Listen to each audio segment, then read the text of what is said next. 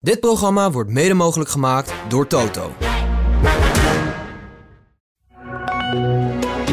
Dit is de AD Voetbal Podcast met Etienne Verhoef. Gezocht tegenstand in de eredivisie. Ajax kruipt naar boven. Grote zorgen in Arnhem en FC Groningen moet op zoek naar een nieuwe directeur. Dit is de AD Voetbalpodcast van 6 november. We gaan het allemaal doornemen met Mikos Schauka. Mikos, eh, voordat we zo meteen praten over mooie momenten in het voetbal en dat soort zaken. Het moment van dit weekend kwam ik deze week op Twitter tegen. Ik ga het toch even met je delen. Het was namelijk dit moment. Toen we hoorden dat eh Volendam won van eh, Excelsior, ja, toen was het gebeurd. Toen waren we, ja, dan gaan we een afspraak maken. En dan gaan we hem zetten. En dan liggen we hier. Om die Amsterdammers te vervelen. Hè? Ja, dat, dat is historisch. Dit gaat nooit meer gebeuren. Vernederd te worden. Ja, dat verdienen ze. Ja, wat is hier gebeurd? Enig idee? Ja, dat heb ik wel gezien en gelezen. Hij heeft de stand van teletext op zijn eh, lichaam laten tatoeëren. Een PSV-fan. Die heeft op de zijkant heeft de stand op teletext laten tatoeëren waar PSV eerste staat en Ajax 18e. Eh, Ja. Het moment dat inderdaad eh Volendam won van Excelsior, wist hij dat het zover was en heeft hij gelijk de afspraak gemaakt. En die tattoo staat nu op het lichaam. Ja, toch wel. Je zit dan toch te denken dat, ja, dat dan ergens in juni op Gran Canaria iemand naast je op zijn strandbedje gaat liggen. En dan, eh, nou ja, het hoeft niet van een t-shirt, was op zijn benen, hè, geloof ik. Nee, op zijn op zijn zijkant, op zijn op zijn zij. Oh, nou ja, oké, dan gaat dat t-shirtje uit. Ja. En dat je vrouw dan zegt, wat heeft hij nou op zijn, op zijn lijf staan? En dat jij dan zegt, ja, dat is de, de stand van de teletext van Ajax onderaan staat. En dat hij daar dan bij verklaard heeft om die Amsterdammers te irriteren. Nou, ik denk, die hebben natuurlijk wel een tikje gehad dat ze onderaan staan. Maar ik geloof nou niet dat ze het nou heel erg vinden als het op iemands lichaam eh, ge- vereeuwigd staat. Maar Nee, maar ik vond het echt een hilarisch fragment ook. En het was ook op een gegeven moment, eh, eh, die vrouw, eh, die, die verslaggeefster vroeg op een gegeven moment ook aan hem, wanneer hoorde je het dat ze laatst stonden? Was, dat was dit het antwoord. Dat was natuurlijk Ja, een vraag van niks. Wanneer hoorde je het? Ja, Ja. dan kon je zien Nee. aankomen. nee, dat, ze, dat hij zeg maar totaal verrast was dat ze in één keer onderaan staan. Dat hij toen dacht, heel snel, heel snel die tatoeage erop. Ja, Ja, precies. En, ja ieder moet doen wat hij wil, toch? Ja. ja, en op zijn billen had hij volgens mij ook nog een, een tatoeage staan, I shit on Ajax of zoiets. Die had hij op zijn billen staan. Dus had twee Er stonden al Ja. meerdere, meerdere anti-Ajax-uitingen op zijn op zijn lichaam. Ja, Ja, precies. Je kan er maar mee bezig zijn met tatoeages. ja. Goed, Ja. eh, zo beginnen we de, de, de, de podcast met een glimlach. Die had ik ook wel een beetje, moet ik zeggen, na het zien van NEC Volendam. Want dit zijn toch de slotfases van wedstrijden ehm, waar je dan toch nog eventjes drie keer over nadenkt, toch? Dat was schitterend, ja. Je, je hebt niet het idee dat als je het weekend ingaat, dat je, dat je denkt, nou, dat is de wedstrijd waar ik moet eh, gaan kijken. Maar je zit, ik heb de tweede helft gekeken. Ja. En ehm, ja, dat was natuurlijk fe- fenomenaal wat daar gebeurde. Ja. Het ene doelpunt na het andere. En dan die Twicht die die bal over die muur heen legt. En die helemaal gek van vreugde wordt. Die denkt, ik schiet, ze naar, schiet ons naar drie punten. En dan toch nog eh die Japaner die die bal eh binnenkopt. Ja, dat was, het was eh, prachtig om te zien. En je zag ook na afloop de vertwijfeling. Ja, wat, want ehm, Volendam dacht natuurlijk een punt is goed bij NEC. Ja. Maar door dit scoreverloop niet. Bij NEC zag je die supporters eerst woedend zijn. Want ze stonden achter. Toen was het 2-2. Nou ja, dat was dan in ieder geval nog een punt. 3-2 achter weer woedend. En bij 3-3 eigenlijk ook nog steeds niks. Hè, want een punt thuis tegen Volendam is te weinig. Maar goed, met z'n tienen, dat kon dan nog wel. dat kon dan nog wel. Ja, dan zie je toch de vertwijfeling. Ook bij die trainer, waarvan ja, iedereen natuurlijk hoopt dat hij zijn punten gaat pakken. Anders wordt het misschien moeilijk voor hem. Voor Rogier Meijer. Maar het was een schitterende slotfase. Ja, wat mij ook wel verbaasde trouwens, want als je dan die wedstrijd zat te kijken, het wordt dan 2-2. Dus NEC komt met 10 man terug in die wedstrijd. Ja. En gaat dan in de slotfase doodleuk nog even de aanval zoeken. Wat was het een aanval van NEC dat Volendam countert met 11 man. Ja. En dat die die goal maken, die uiteindelijk uit die vrije trap. Ja, ja, ja dat, maar dat is wel een beetje typisch Nederlands. En, en, en je ziet natuurlijk ook maar bij weinig echte verdedigende ploegen waar die echt een beetje kunnen verdedigen, dat er nog een corner invalt op het eind. En daarvan verklaart de trainer, ja, eh, die Duitse trainer Kohler, Kohler Ja. van, eh, van Volendam, ja, dus ze zaten nog in de euforie van die 3-2. En dan vergeten ze even mensen te dekken. Ja, het is wel profvoetbal. En dit zijn eh, toch twee punten die daar weggekopt worden. En, en, en 15 seconden later wordt er afgefloten. Dus aan het eind van de rit kunnen dit hele, hele dure punten zijn. En ehm, ja, dit is wel een beetje typisch Nederlands dat, dat het natuurlijk wel voortdurend open ligt. En dat je eigenlijk altijd wel weer een kans krijgt eh, in de Ere of Eerste Divisie. Ja, nou, daar, dat bruggetje maar even maken, want hoe leuk we dat ook vinden. Hè? Voor de top en voor de gewenning, eh, voor een ander niveau, Champions League, is dit voetbal eigenlijk niet goed. Luister maar naar Peter Bos. Ja, nee, het is gewoon een gegeven hè, dat, dat we dat in Nederland niet heel vaak eh, eh, tegenkomen. Dus zullen we dat uh, in zo'n wedstrijd tegen Lans weer uit onszelf moeten halen. Maar goed, het is helemaal een gegeven. En vandaag was voor Heracles echt heel ongelukkig dat ze al zo snel met 10 man komen te staan. Want toen werd het voor hun natuurlijk wel heel lastig. Uh, maar goed, dat neemt niet weg dat we ook dan nog weer de druk moeten blijven zetten en, en die loopacties moeten blijven maken. Dus ja, dan moet je het gewoon bij jezelf zoeken. Ja, voor PSV en Feyenoord wordt eigenlijk tegenstand gezocht op een beetje niveau, zodat ze zich kunnen voorbereiden op Champions League wedstrijden. Nou, een beetje gelijk heeft hij natuurlijk wel. Je denkt toch Heracles Feyenoord, dat zijn toch wel eens uh, partijtjes geweest waarin het wel wat zwaarder is geweest voor de koploper. En hij heeft wel gelijk, er valt een rode kaart beslissing en dan is het uh, snel gebeurd natuurlijk. Doelpunt en, uh, of in ieder geval een rode kaart, 10 man, zo'n lange tijd. Dat wordt dan heel lastig. Maar je mag, mag toch af en toe wel iets meer verwachten van, van ploegen als ze tegen een topclub, topclub spelen. En zo'n uitslag, ja, het is... 6-0 voor PSV. Ja, ja 6-0. De trekker een paar keer overhalen het is wel erg zwak. En je hebt het ook een periode even bij Feyenoord gezien. Toen gingen we schrijven over dat zij de 100 goals uh, gingen halen. Bij Feyenoord is het weer wat, wat moeizamer. En je, maar je ziet nu ook Ajax, als we het even over de topclubs hebben. En dan ook van, uh, vanuit de traditie. Hè, dit seizoen natuurlijk wat minder. Ja, die maken er toch ook gewoon vier tegen Herenveen. En ik heb die wedstrijd gezien. Het kan ook een hele, hele andere uitslag zijn. Maar het ligt altijd wel weer open hoor, op het eind. Hè. Dan ja. kunnen ze er toch nog, nog een paar maken. Wordt ook nog een bal afgekeurd. Dus ja, telraam kan er hier en daar toch wel weer bij. En, en daar heeft Bos natuurlijk wel gelijk in. Het is wel al, uh, al langer zo natuurlijk. Maar ik denk wel dat er, dat er een aantal clubs het wat, wat stugger zijn geweest de laatste jaren. Dan dat ze nu zijn tegen topclubs. Maar ja, in de Champions League is dat inderdaad een ander verhaal. Ja, en als je dan de hele tijd in de Eredivisie zo weinig tegenstand krijgt. en dan ineens er tegen Lans moet staan. Uh, komende week lijkt me dat wel ingewikkeld. Ja, ik weet, ja, ik weet het niet. Ze, ze hebben natuurlijk nu ook uh, drie uh, Champions League wedstrijden gehad. Ze ja. hebben in de Eredivisie ook wel een paar wedstrijden waarin het er wel uh, tegenaan moest. Hè. Met Ajax bijvoorbeeld hebben ze echt wel problemen gehad verleden week. Werd het ook uiteindelijk een hoge score. Ja, ze hebben natuurlijk wel wat ploegen waar het wat lastiger tegen is. Maar ja, het is natuurlijk wel een gegeven dat je in de Champions League een heel hoog niveau tegen je krijgt. En in de Eredivisie niet. Dat is al langer zo. Dus het is nu volgens mij ook niet zo dat ze straks in één keer schrikken van Lans. Omdat ze zeggen, ja, maar we zijn zo gewend dat, dat het open huis uh, is. En de fysieke kracht. Ja, in Europa krijg je gewoon andere wedstrijden voorgeschoteld. En zeker in de, in de Champions League. Dus ik geloof niet dat dat een groot probleem uh, hoeft te zijn deze week. Wel een belangrijk weekje natuurlijk. Voor ze ook. Om nog een kans te hebben in, om, uh, om door te komen. En ja, met een thuiswedstrijd. Ik denk dat dat, ik denk dat, dat er toch wel in zit. Dat ze dat niveau heel snel weer op kunnen krikken dat wat nodig is. En wat zie je niet nodig hebben in de Eredivisie. Is tien weer met Tilman spelen, PSV? Ja, vind ik een moeilijke. Ze hebben natuurlijk vier keuzes daar. Sabari ja. valt natuurlijk geblesseerd uit. Ja, Til deed het toch alweer uh, goed. Doet het de laatste tijd wel goed. Tilman heeft het natuurlijk wel minder gedaan uh, in die wedstrijd. Uh, was tegen Ajax volgens mij. Mm -hmm. Het gaat zo verschrikkelijk snel. Ja, was tegen Ajax. En um, ja, Babadi zien we wat minder terug. Dus ik denk toch dat Til het meest logisch is. En zeker als je in een thuiswedstrijd de boel uh, wil afjagen, denk ik dat dat, dat de meest logische keuze is. Maar goed, ik ben Peter Bos niet en, en hij, heeft, uh, hij heeft de hele dag op het trainingsveld en hij weet precies wat hij nodig heeft in die wedstrijden. Dus de, zo diep gaat mijn kennis van Lans ook niet dat je zou zeggen, we moeten precies dat type middenveld hebben om, uh, om daar tegen te spelen. Maar Til lijkt me niet onlogisch, die doet het goed. Het is wel wonderbaarlijk dat Til altijd steeds weer op een bepaalde manier terugkomt. Hè? Dat iedereen er toch denkt, je, je, je bent hem soms bij hem liever kwijt in een elftal ja. en soms bij hem liever rijk in een elftal. Ja, bij Til moet je gewoon je verwachting op een bepaalde manier een beetje bijstellen. Ik heb hem natuurlijk een jaar in de Kuip gezien. Ja, als je naar Til gaat zitten kijken in de, in, en je denkt het is Jari Liedmanen, ja, dan kom je bedrogen uit. Hij heeft natuurlijk, uh, laten we zeggen, het is een het is, hij zit ver onder Liedmanen, maar weer boven Lex Immers als tien. Dus het is iemand die goed kan lopen. Hij heeft, ja, heeft een geweldig neusje voor de goal. Het lijkt wel een beetje op Lex Immers. Daar is hij iets, iets verfijnder in, denk ik. Maar hij maakt heel makkelijk doelpunten. Zoekt juist de, de, de juiste positie in de 16. Is uitstekend in het druk zetten. Ja, al die kwaliteiten opgeteld. Als je die als team nodig hebt, en dat had Feyenoord toen, en PSV kan het volgens mij ook wel gebruiken. Ja, dan heb je aan Til gewoon een goede speler. Ga je daar zitten en je denkt, ja, ik wil een verfijnde nummer 10 die die balletjes er af en toe zo met veel gevoel achterlegt.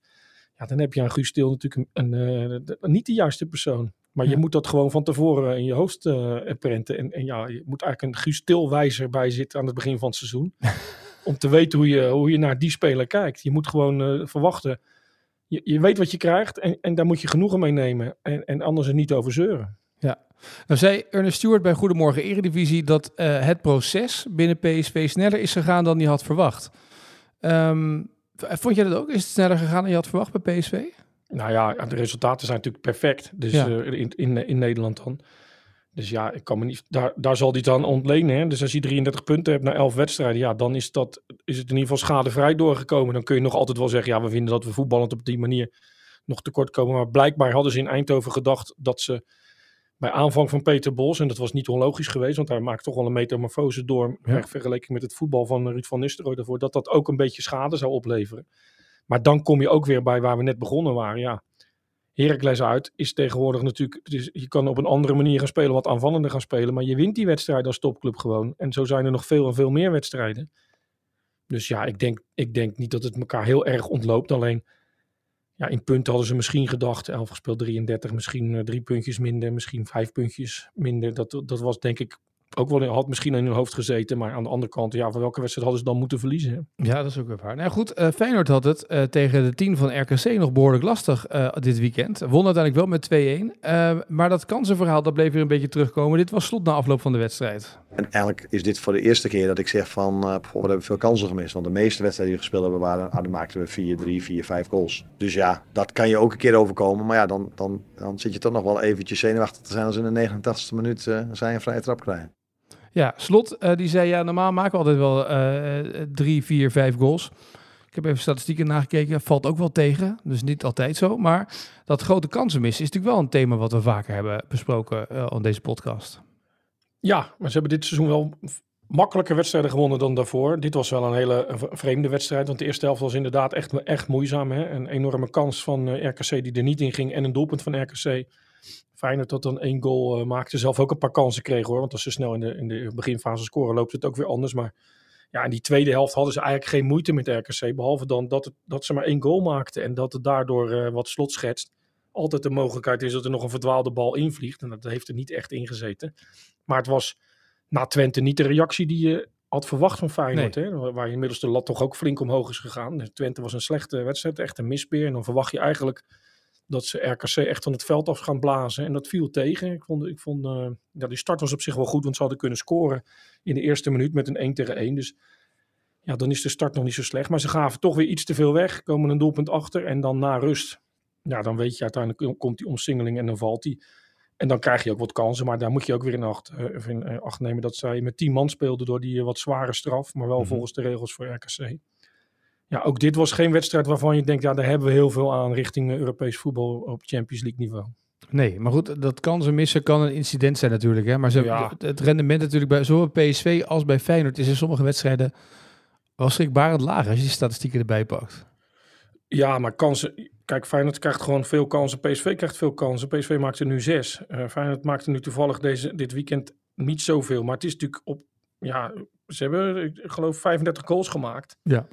Zo op een derde van de competitie. PSV staat op 41 inderdaad, ja. Ja, dat is natuurlijk best wel goed. Dus da daar, uh, daar ligt het uh, dit seizoen niet aan. Alleen, ja, Feyenoord moet gewoon dit soort wedstrijden gewoon veel sneller killen. En, en, uh, en zorgen dat ze niet in de problemen komen zoals eigenlijk PSV het heeft gedaan. Alleen, ja, in Rotterdam zeggen ze dan natuurlijk... Ja, rood kaartje. Eigenlijk een beetje vergelijkbare situatie. En laat de mensen het niet verkeerd begrijpen. Hè? Want die zeggen dan misschien weer van... Ja, dat is een huilverhaal. Daar heb ik ook wat mensen over gehoord. Ik heb verleden week natuurlijk niet ehm, verkondigd wat ik zo graag hoop, maar wel wat, wat er speelde. Hè? Dat ja. Feyenoord daar een strafschop had moeten krijgen, wat de KNVB op maandag bevestigde. Ja, dit was precies zo'n moment. Hoogma komt te laat, raakt Til, til uh, uh, uh, naar het gras, Hoogma eruit, strafschop. Eh, klaar is de wedstrijd. En dat had Feyenoord natuurlijk ook kunnen hebben, met één verschilletje. Eh, dan had Santiago Jiménez verleden week de strafschop al genomen. En dat hij Padenka ook in Die de goalsvesten over. Ja, Want precies. dat had hij al, had hij al gezegd. En dan was hij, de, als hij hem op dezelfde manier, dat, dat weet je nooit zeker, maar met uh, Oenestal lijkt me nog moeilijker om te scoren. Dus een strafschop is ook nog niet meteen een garantie dat, die wedstrijd, dat het een doelpunt is en dat wedstrijden gewonnen worden. Maar dat was natuurlijk een, een klein beetje het, eh, het verschil. Ja, Het was volgens mij geen antwoord op je vraag. Ik ben weer helemaal eh, uitgeweken Ja, naar dat, ben- dat zijn de luisteraars ook gewend, dus dat is prima. Nee, het ging meer op zeg maar dat, dat, dat, dat eh, de kansen die je krijgt, tuurlijk, PSV en, en, en Feyenoord creëren het aantal mogelijkheden in een wedstrijd. Ja, Maar de effectiviteit soms, hè, ik snap dat niet elke kans een goal is.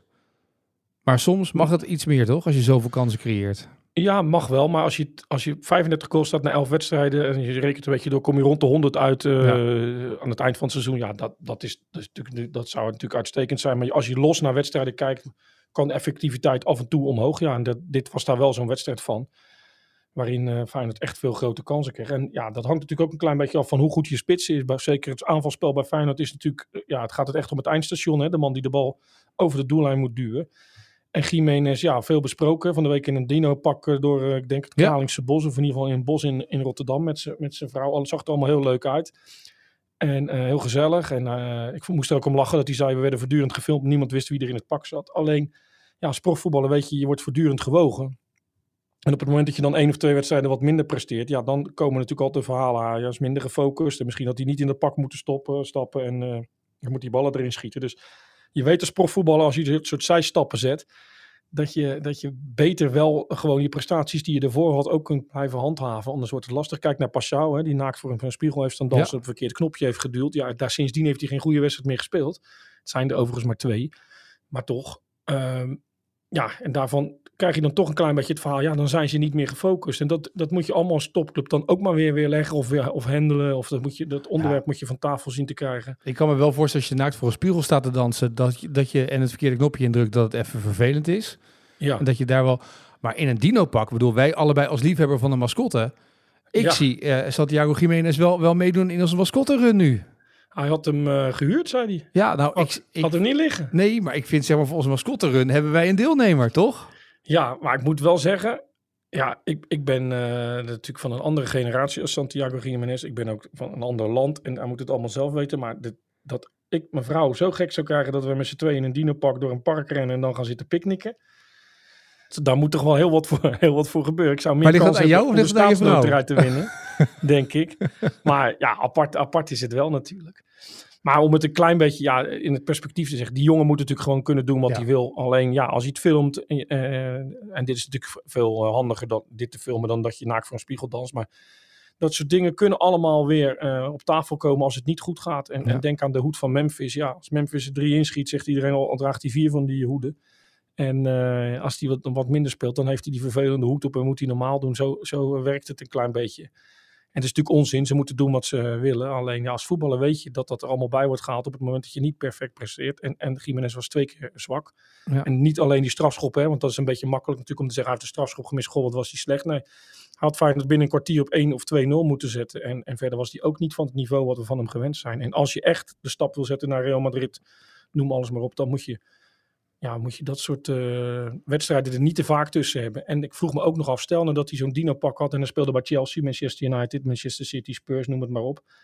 En je speelt zo'n wedstrijd met zo'n strafschop, nou, dan weten ze in Engeland wel raad mee natuurlijk. Dan, Ja. dan komen de tabloids boven. Nou ja, en überhaupt zeg maar, het blijkt nu wel weer. Je moet dus op social media goed opletten op welk knopje je drukt. Ik bedoel, tv-presentatoren hebben dat inmiddels ook al geleerd. Hè? Rob Campus heeft ooit zichzelf eh, voor zijn vriendin dacht hij te filmen. Dat bleek ook op Instagram te staan tot drie keer toe. Ja, Dus je moet een beetje oppassen met wat je op Instagram zet.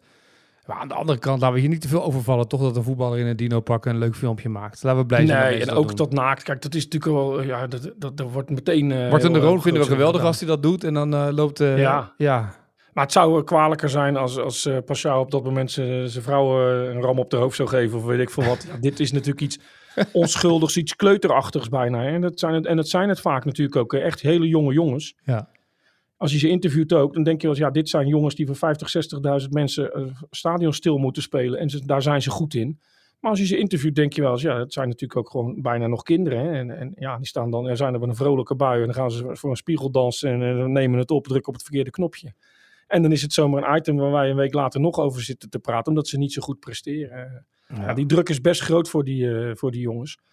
En uh, het is goed dat daar tegenwoordig wel mensen binnen de club zijn die daar, uh, die daar een beetje mee bezig zijn, die ze helpen. Alleen ja, die kunnen niet voorkomen als er net op een knopje is gedrukt. Nee, en, en, nee en op de verkeerde cent. Nee, ja, je moet en dat ook... kan iedereen overkomen. Hè? Precies. En als binnenkort uh, toevallig iemand met de Mas Singer meedoet in een dino-pak, dan weten wij in ieder geval dat Santiago Jiménez is, toch? Ja, of ik. Of ja. jij. Ja, dat zou me ook niks verbazen. Maar ze, ja, mij zouden ze nooit raden natuurlijk. Dus, nee.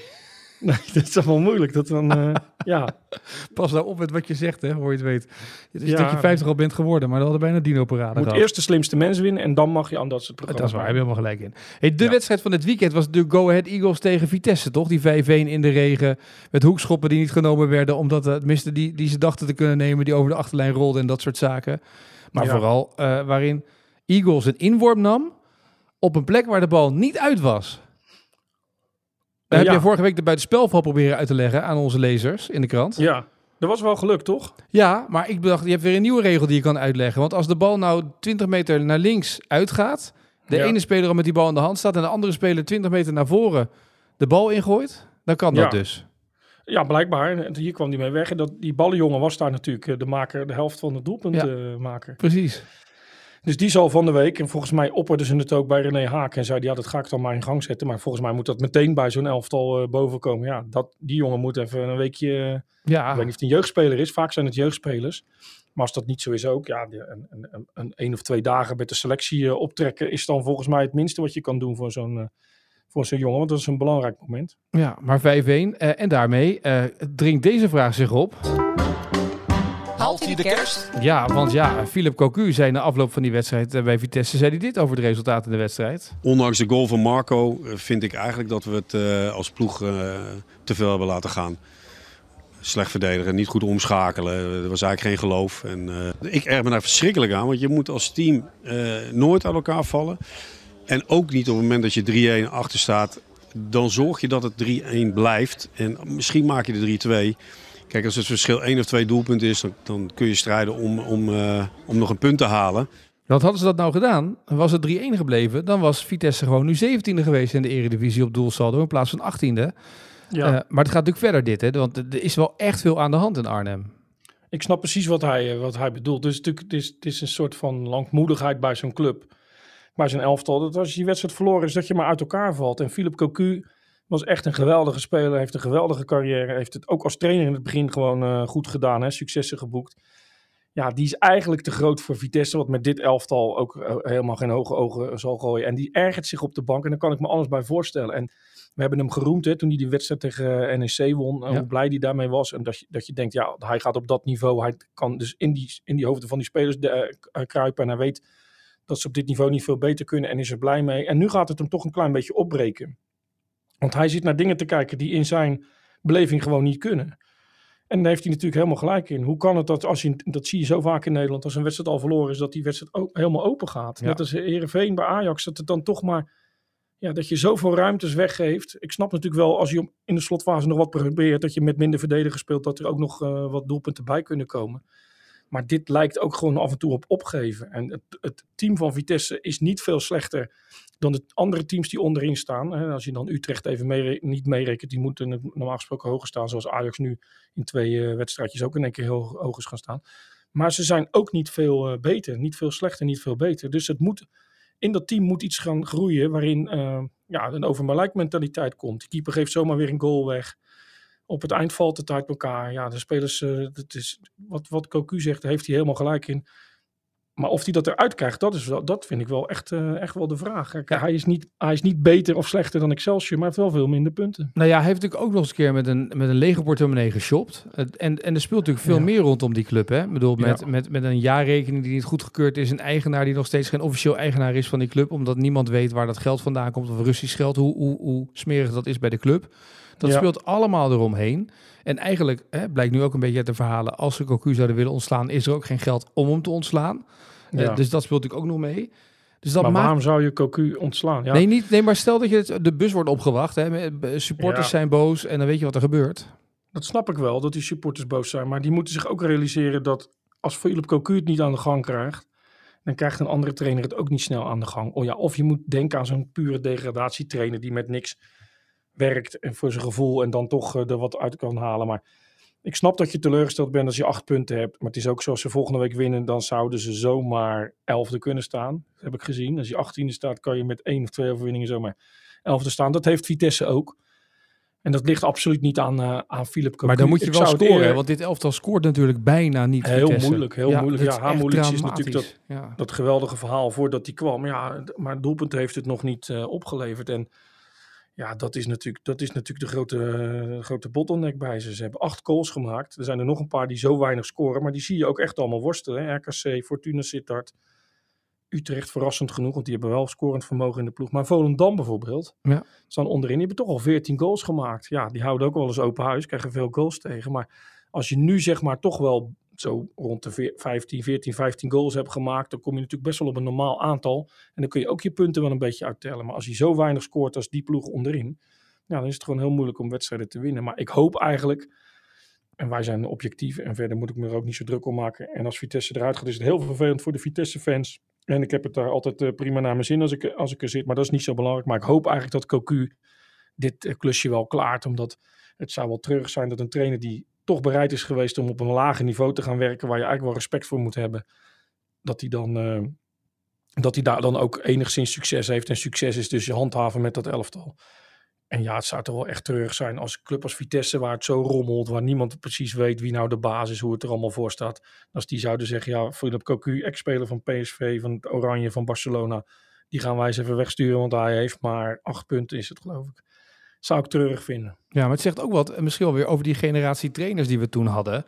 Eh, want eh, laten we eerlijk zijn, de boer, Cocu, Van Bronckhorst eh, begon natuurlijk allemaal bij een club Ja. in Nederland voortvarend. Maar daarna wilde het natuurlijk ook niet zo allemaal vlot, hè? Nee, dat klopt. Dat klopt. Ja, er is geen spel tussen te krijgen. Maar het is ook weer niet zo dat ze dan, zeg maar, van het niveau degradatiekandidaat in Nederland zouden moeten zijn. Van Broncos heeft in ieder geval nog de Champions League Ja. gehaald en een beker gewonnen bij Rangers. Frank de Boer heeft natuurlijk toch nog het Nederlands elftal getraind. En als je dat vergelijkt met wat daarna is gekomen, was Ja. het ook allemaal nog niet zo heel slecht. We hebben natuurlijk niet echt geweldig gespeeld. Maar goed, ja, hij was in ieder geval in de knock-out fase van het EK. We hebben er geen Polonaise voor ingezet en terecht. Maar het was ook weer niet zo dat je dacht, ja, er is een, eh, een blinde busbestuurder eh, ingestapt of, eh, of iets dergelijks. Dus ja, maar deze trainers hebben inderdaad niet na successen met hun eigen clubs, Ajax, PSV en Feyenoord, echt door kunnen pakken richting een, eh, richting een topcompetitie. En dat is op zich wel, eh, wel jammer. En ja, en daarom vond ik het eigenlijk wel te prijzen dat Cocu toch aandurfde Ja. om in Vitesse te stappen. Eh, Van Bronckhorst heeft daar verder niet zoveel trek in. En ik denk Frank de Boer ook niet. Die, speelt Nu zo, die zit nu in, wat is het, Abu Dhabi zit nu Ja, natuurlijk. klopt, klopt. Maar die zie je ook niet snel bij, ja, laten we zeggen, Pek Zwolle of, of Heerenveen of zo instappen. Die jongens hebben daar verder geen trek, in- trek in. Nou, Cocu deed het wel. En dan hoop je eigenlijk dat het wel goed gaat, waardoor hij weer een stapje omhoog kan. Maar eh, helaas. Ja, Ajax wint twee wedstrijden op rij, Volendam en Ja. Heerenveen.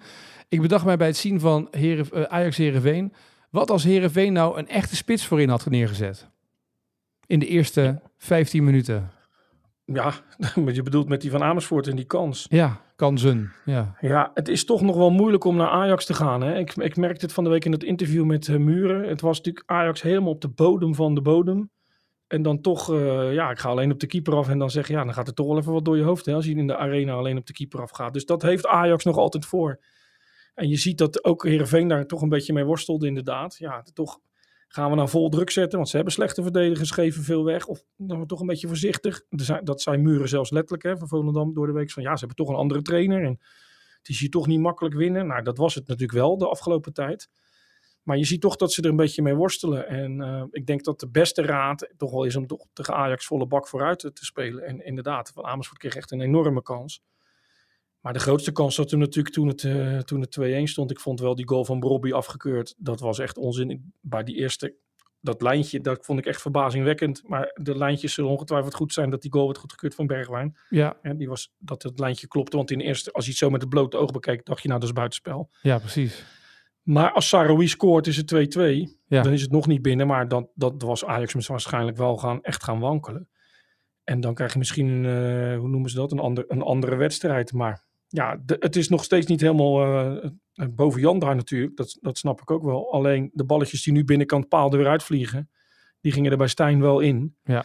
Daarmee wil ik niet zeggen dat Van Schip net zo slecht of net zo goed is als, als eh, Stijn. Maar er is wel een andere periode aangebroken. Dat gevoel heb je wel in Nou wedstrijden ja. die ze nu Dat zegt Akpom ook zelf. Hè? Eh, afgelopen week voor het eerst met mij gepraat op een menselijk niveau.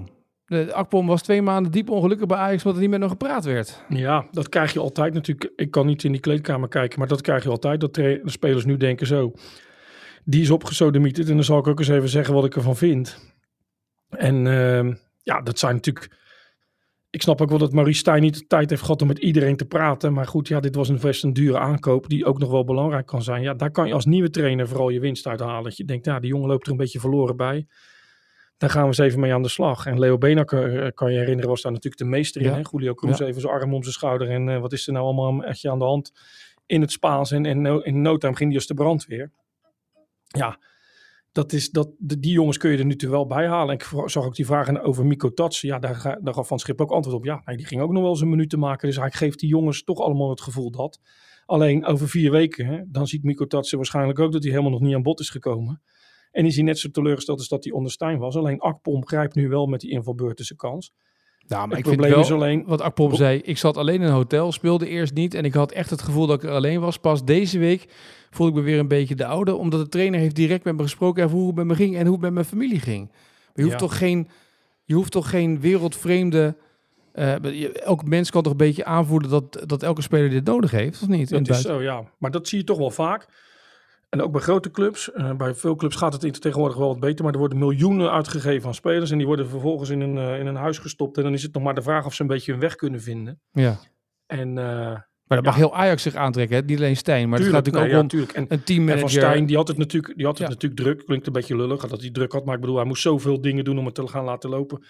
Dat je ook kunt zeggen, ja, waarom zit Bakati daar niet een paar dagen per, per week op, op dat soort spelers? Of ik noem maar iets, hè, die zal het ook druk hebben gehad. Maar als ik bij Ajax, als het goed gaat, als ze scoren wat er allemaal van de bank komt. eh, wat over Ja. elkaar heen struikelt, van Siemerink tot, tot eh Bakati, tot Maduro, tot eh eh, Pinkster zit er geloof ik nog. Dat ze het, eh, mensen, zoveel mensen hangen daar rond, dat je best wel mensen hebt natuurlijk die dat zouden moeten kunnen regelen.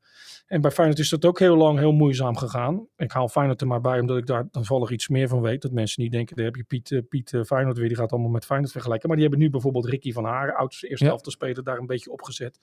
Met Frank Boer. En waar ik daar van die spelers hoor, dat als ze hier aankomen, dan is bijvoorbeeld al de aanvraag om het rijbewijs om te zetten, is al inge- ingediend. Dat soort dingen. Het zijn soms kleine dingen, waardoor ze heel, veel, heel snel ehm, vooruit kunnen in een nieuw land waar ze, waar ze zitten. En ehm, dat ze daar eigenlijk geen zorgen meer over hebben. En dat is natuurlijk wel belangrijk. Akpom zit hij blijkbaar zonder, zonder vrouw of zonder kinderen. Ik weet niet of hij die heeft. Ja, dan, dan, dan ligt natuurlijk een beetje eenzaamheid op de loer. Dus daar moet je wat aan doen. Maar het is ook belangrijk dat als een speler hier komt en die is vaak weg op trainingskamp en zo, dat die vrouw een beetje vooruit kan. En vaak spreken die de taal niet. Ja, daar moet je als club gewoon iemand voor in dienst nemen die je gewoon een goed jaarsalaris biedt. En die wel klaar staat voor spelers eh, die hier gewoon moeten gaan presteren. En, en, en daarmee een zetje in de rug nodig hebben in het privégebeuren. Maar goed, Ajax wint wel. Alhoewel als je de wedstrijd zag, ik bedoel, Heerenveen kreeg ook wel genoeg ruimte af en toe om er doorheen te voetballen natuurlijk. Het is nog niet zo dat Van Schip ineens de redder in nood is. Alleen die spelers lijken ook wat minder slecht gelijk onder Van Schip. Ja, en dat hadden we wel verwacht, omdat die spelers natuurlijk ook gewoon minder slecht zijn dan dat we denken. Ja. Maar wat Van Schip doet, is het houdt het compact en ze, ze, ze zakken in tot eigen helft. En dat is ook geaccepteerd. Dat was voor Stijn moeilijk geweest. Stel dat hij was begonnen in het seizoen en had gezegd, we gaan lekker inzakken op eigen helft. Dat was niet geaccepteerd geweest, want ja, dan begin je aan een seizoen en is de situatie niet zo. Alleen Van Schip stapt in op het moment dat ze zo laag staan. Dat ze, ja, als Van Schip zou zeggen, we gaan met z'n allen op de doellijn staan, zouden mensen ook nog zeggen, ja, in deze situatie kan het wel even. Dus hij heeft dat voordeel dat hij deze periode echt eh, eh, daar niet op aangevallen zal worden als hij ver achteruit gaat. En eh, ja, dat doet hij dan ook. Alleen zelfs als ze ver achteruit gaan, geven ze nog wel kansen weg. Dus ik ben ook wel benieuwd tegen bijvoorbeeld Brighton, wat beter is dan Volendam en Heerenveen. Of die er dan wat makkelijker doorheen voetballen en, en, en doelpunten zullen maken. Of dat Ajax in die paar dagen elke keer weer een stapje vooruit gaat, waardoor het er ook beter eh, uit gaat zien. Ja. Maar Van Schip doet logische dingen en, en heeft een beetje de mazzel dus dat die ballen niet vallen. En heeft ook bijvoorbeeld ja, de gunfactor heel erg mee. Ook wat hem in, eh, het is een echte ajax natuurlijk. Hij heeft in zijn privésituatie veel meegemaakt. Ja. Dus mensen hopen dat het hem nu een tijdje voor de wind gaat. En dan eh, soms zijn zetten die die doet best handig. hè. Zo'n speler als linksback zet, die eh, Marta die uit de eigen jeugd komt. En die het meteen goed doet. Ja, dat, dat wekt ver- vertrouwen bij het publiek. Dat hij een juiste oog heeft voor talent. Dus eh, ja, die kan voorlopig nog wel even vooruit. En dan moet je ook gewoon mazzel hebben. Hè? Dus zo'n balletje binnenkant paal. Ja, als die erin valt is het 2-2. Dan gaan mensen vloekend naar buiten. Ja. En nu wordt het 4-1. Met eh, als gevolg inderdaad, eh, dat van, wat mij trouwens wel opviel bij Van Schip, hij staat vaak langs de lijn. Maar de ene na de andere assistent, eh, die komt even wat doorgeven aan hem. Dus het is een soort van team effort. Dan komt Maduro wat zeggen, dan weer Bakati, Ja. dan die Australiër. De een na de ander komt af en toe eventjes verhaal halen. Nou, ik, ik geniet eigenlijk van die beelden, omdat eh, het ziet er heel ongemakkelijk uit als Ajax scoort of als Ajax Ja. wint. Dus Van Schip staat er dan, die komt dan even terug, wat niet ongebruikelijk is, hè, dat een trainer vooraan staat en dat er af en toe contact is met een van zijn assistenten. Ik weet bijvoorbeeld van Dick Advocaat bij Venerbatje, die had dan een speler opgesteld die hij eigenlijk niet zo goed vond, maar Cor Pot vond hem wel goed. En elke keer als die jongen dan balverlies leed, ik weet even niet meer de naam, maar het was een middenvelder, dan draaide Dick zich om en dan riep hij in het Nederlands, zie je nou wel dat hij er helemaal geen kloten van kan. En dan zat Cor op die bank, die moest dat dan wel incasseren. Maar dat was om Dick zeg maar ook een beetje in zijn, eh, ja, de juiste vibe te krijgen. Maar nu zie je dus dat die Australiër, ja, die krijgt een omhelzing hè, van John. Ja. En dan zie je toch een beetje dat, ja, hoe moet ik het omschrijven? Je komt wel eens op een verjaardag binnen en dan eh, zit daar een tante. En dan weet je niet of je nou een hand moet geven, drie zoenen, één zoen. eh, ja, wat, wat is nou nog de, Hoi! ja, wat is nou de juiste begroeting? En zeker rond na die corona is het allemaal moeilijk geworden. En je ziet bij Maduro en Bakati toch, ja, moeten wij er nou ook bovenop springen? Je ziet toch dat het, dat het nog zoekende is voor die eh, jongens. Maduro is natuurlijk van eh, tweede assistent naar hoofdtrainer, nu naar derde assistent. Die is toch een beetje zoekende. En wat zij allemaal wel zien, is dat die Australië er echt tussen zit. Dat dat Ja. John zijn, eh, zijn vertrouwensman is. John van Schip zijn vertrouwensman. En dat die andere mensen daar toch moeite mee hebben om, dat, eh, om volgens mij de juiste rol te vinden. Maar dat, ook dat zal wel snel groeien. Ze zijn pas net begonnen. En een paar resultaten, dat haalt de druk eraf. Gaan de camera's wel dingen registreren, maar gaan we het daar niet meer over hebben. En dan wordt het wat makkelijker. Maar ik, ik zie toch wel vooralsnog ongemak. Alsof eh, tante Agaat klaar zit. En jij denkt, ja, of je hebt geen zin in drie zoenen. Of moet ik het nou drie zoenen geven? Of ken ik er wel goed genoeg? Dat, heb je, dat, dat soort momenten kennen we allemaal wel. En dat proef je nog een beetje bij die scrums, die juichscrums tussen die vier trainers. En wat doe jij dan bij tante Agaat? Ja, het liefst zeg je natuurlijk op een hele drukke verjaardag. Je duwt die deur open en je roept nou gefeliciteerd allemaal. En dan ben je er vanaf. Maar je hebt natuurlijk ook wel van die verjaardagen dat je het hele rondje, dat hele rondje afgaat. Ja. En dan kom je ook wel eens iemand tegen die dan net een nieuwe vriendin heeft. Die heb je zelf dan nog nooit gezien. Ja. Hè, dus neef Piet, eh, neef Piet is plots getrouwd met, eh, of, woont samen met een nieuwe vriendin. Die hoort er dan ook bij. Maar het is ook een beetje raar om die drie zoenen te geven als je die nog nooit hebt gezien. Dus ik vind het zelf altijd ongemakkelijk. En dat, zie- dat zie ik dus als ik, eh, als ik naar die scrums bij Ajax kijk. Hey, nog eventjes naar Groningen. Want ja, dat gaat natuurlijk niet lekker. Die zitten nu in die Nee. KKD. En, en, en nou ja, die staan op een plek waar je eigenlijk Groningen niet verwacht. Hè? Want die staan eh, nu op een, eh, wat is het, eh, dertiende plaats. En dan in de wedstrijden ook. Ze hebben dan vandaag gespeeld tegen FC Dordrecht, 2-2 gelijk. Maar daar is een beetje het volgende nieuws natuurlijk dat Wouter Gudde zegt, ja, bestuurlijk heeft iedereen nu zijn plek opgegeven. Dus ja, dan ga ik ook maar weg. want ook de RVC-voorzitter is weg. En nu zegt Wouter Gudde, dan stap ik ook op. Want dan is iedereen die ervoor gezorgd heeft dat de club uiteindelijk gedegradeerd is, die is dan weg. En dan moeten nieuwe mensen maar instappen. En dan denk ik ook, is dat nou slim om dat te doen? Ja, ehm, als je het niet doet, dan zeggen heel veel mensen... ja, hij blijft maar zitten en de rest is al weg. Dus het is moeilijk. Ik kan niet in het hoofd kijken van eh, Wouter Gudde... hoewel we hem allemaal wel iets beter kennen... dan, eh, eh, dan de gemiddelde directeur van Groningen aan deze kant. Maar ja, het kan twee dingen zijn. Hij kan denken, ja, dit trekken we nooit meer vlot. Het gaat nu ook slecht. We hebben zoveel eh, geld weer uitgegeven aan een nieuwe selectie. We hadden gedacht meteen weer mee te draaien. We zijn vorig jaar gedegradeerd. Nu gaat het slecht. Wat, wat kan ik zelf nog bereiken? Of hij voelt zich inderdaad zo schuldig omdat het zo slecht gaat. Dat hij denkt, ja, het is gewoon eh, netter als ik, als ik ook mijn eh, positie ter beschikking stel. En dan zouden nieuwe, frisse mensen die club in moeten duiken. Maar ja, van Groningen ben ik wel echt, echt heel erg geschrokken. Omdat ik eigenlijk dacht, dat is een team wat wel heel snel weer terugkomt in die eerste divisie. In die KKD. Ja, als je dan nu dertiende staat met 15 punten. Het is nog niet verloren, eh, want je kunt natuurlijk altijd eh, met na competitie eh, de play-offs weer terugkomen. Maar ja, het gaat wel heel, heel erg slecht. Ja. En ik denk toch dat het ook een beetje de druk nog is. Hè? Dus het, het gevoel van, eh, ja, daar komt FC Groningen, daar, win- eh, daar wil iedereen van winnen. En er is ook van te winnen. Ja, daar moeten ze even doorheen. Maar ik denk dat frisse mensen aan het stuur, misschien ook wel eh, in, in de technische staf, dat dat misschien dan toch een nieuwe start zou kunnen geven. Waarbij het verwachtingspatroon een beetje is gedaald. Klein beetje wat je nu bij Ajax ziet. En dat je dan weer omhoog kan klimmen. Want ja, één goede fase in de, in de KKD en je bent weer terug. Ja. Maar dit is wel schrikbarend. eh Nou ja, FC Groningen. Hij, is 13 in natuurlijk, hij, is als, eh, hij was directeur Wouter Gudde en is natuurlijk Ja. nu verantwoordelijk geweest voor het aan- en verkoopbeleid, omdat ze niemand hadden, omdat eh, daar natuurlijk uh, Flederis eh, opstapte. ja. Samen met Art Langeler, Henk Veldmaten, eh Wes Beuvink en Dick Lukien, met z'n vijf hebben ze dat gedaan. Maar dan zie je toch hè, die algemeen directeur, die dan ook al die dingen eromheen en dan ook nog eens een keer spelers aankopen, dat kan je vaak ook de kop kosten. Hè? Klopt. En dat, en dat rijtje namen wat je noemt, dat is allemaal wel bewierookt. Hè? Wouter Ja. Gudde werd in aanvankelijk wel eh, bewierookt. Nou, Veldmaten bij Ajax natuurlijk de grote jongens binnengehaald. Lukien, die als die Emmen... dat als die een toptrainer zijn was dat, de hoek hè? steekt bij Emmen, dan gaat, rijden ze een grote Polonaise car voor en dan kan die erop stappen. Eh, Wes Beuvink, dat was volgens mij de, de voetbalnerd die overal de talent vandaan haalt hè, op datagebied. Ja, dan komen ze met, toch met Kevin van Veen. En dat blijkt het dan net niet te zijn. Ze hebben nog alles, alles op alles gezet om die spits van Spakenburg te halen. Die staat er bij Spakenburg niet eens meer in. Dus er is ook wel het een en ander misgegaan. En je noemde nog een vijfde man. Art Langeler, Oh ja, Art Langeler. Nou ja, die kent alle grote talenten uit Zeist. Ja, ook iemand die een behoorlijke naam heeft in de voetballerij. Wel vaak kritiek heeft gekregen. Ook als, eh, in, zijn, in zijn functies. Maar ook niet iemand die in één keer zomaar een functie is neergezet. Dus bij Groningen gaat echt heel erg veel mis. Maar dat zeg ik van een enorme afstand. Niet alleen letterlijk. Omdat ik, ja, ik zie het elftal niet of nauwelijks spelen. Dus ik zie vooral resultaten en daar oordeel ik dan over. Dat is misschien niet helemaal eerlijk. Maar van FC Groningen... Dat is ook niet om aan te gluren op een zondagmiddag Groningen kijken, kan ik je vertellen hoor. Dat is niet te doen hoor. Nee, ja, je kiest dan toch nu voor die Eredivisie-wedstrijden. Maar ja, Het is misschien toch wel eens goed om, om zo'n uh, om zo'n wedstrijd te kijken, om naar te kijken hoe slecht het echt, uh, hoe slecht het echt is. Ja, en, en je hoopt toch eigenlijk een club als FC Groningen, ja, subtop Eredivisie standaard, dat die toch ook wel weer uh, het, licht zien en terugkeren. En misschien is het daarvoor nodig dat die mensen, wat ik zei, verdwijnen. En dat Gudde ja, dit doet, zou ook voor zichzelf misschien beter zijn, maar voor de club misschien ook. Ja, precies. Goed, uh, er is dus een directeursfunctie vrij in het, in het Hoge Noorden. Er zal vast wel genoeg op gesolliciteerd worden van mensen die denken dat ze het allemaal beter en anders kunnen doen, hè?